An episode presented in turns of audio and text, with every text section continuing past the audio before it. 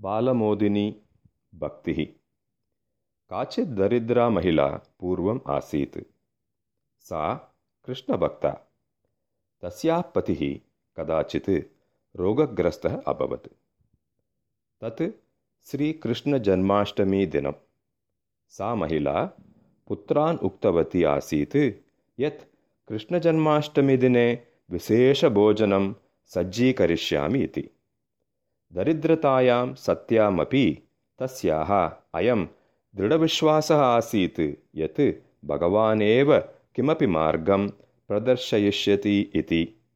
सा आपणं गतवती तत्र आपणिकं प्रार्थितवती। पुत्राणां विशेषभोजनाय यावन्ति वस्तूनि आवश्यकानि तानि दीयन्ताम् इति। आपणिकः पृष्टवान् भवत्याः निकटे कियत् धनमस्ति इति। महिला उक्तवती मम पतिः रोगग्रस्तः। अतः विद्यमानमपि धनं पत्युः चिकित्सायै व्ययीकृतं मया। तस्मात् इदानीं मन्निकटे भगवत्प्रार्थनायाः ऋते अन्यत् किमपि नास्ति इति।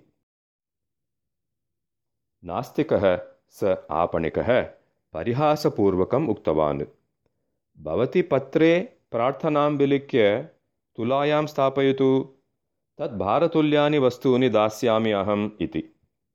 सा च भक्ता पूर्वमेव लिखितं पत्रं तस्य हस्ते दृढविश्वासेन संस्थाप्य उक्तवती।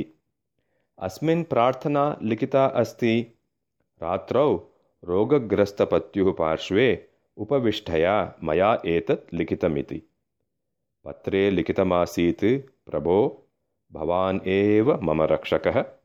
जन्मोत्सवाय सर्वं भवान् एव दापयिष्यति। भवता यद्दीयते तत् मत्सदृशैः अन्यदरिद्रैः साकं ससन्तोषं खादिष्यामि इति।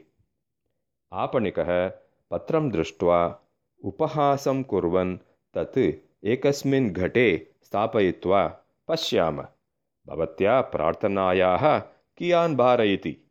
इति उक्त्वा तुलायाः अन्यस्मिन् घटे लघूनि वस्तूनि स्थापितवान्।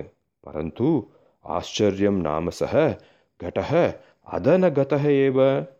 प्रार्थनापत्रमेव अधः आसीत्। आपणिकः इतोपि वस्तूनि स्थापितवान्। तथापि वस्तुसहितः घटः अधः न गतः। आपणिकः दिग्भ्रान्तिं प्राप्य उक्तवान् किं प्रचलति इत्येव न ज्ञायते परन्तु यथा प्रतिज्ञातं तथा मया वस्तूनि तु दीयन्ते एव इति। परन्तु सा भक्ता पुत्राणां कृते यावत् आवश्यकं तावत् एव वस्तु स्वीकृतवती। आनन्दाश्रुसहिताभ्यां नेत्राभ्यां सा आपणिकाय कृतज्ञतां समर्प्य भक्तपालकं प्रभुं स्तुतवती। आपाणिकः चिन्तितवान् किं जातं? मम तुलायाः। पत्रस्य तावान् भारः कथं यः वास्तविकः भक्तः तस्य रक्षणं प्रभुः निश्चयेन करोति इत्यत्र नास्ति संशयः इति। अनन्तरं स भगवतः परमभक्तः सञ्जातः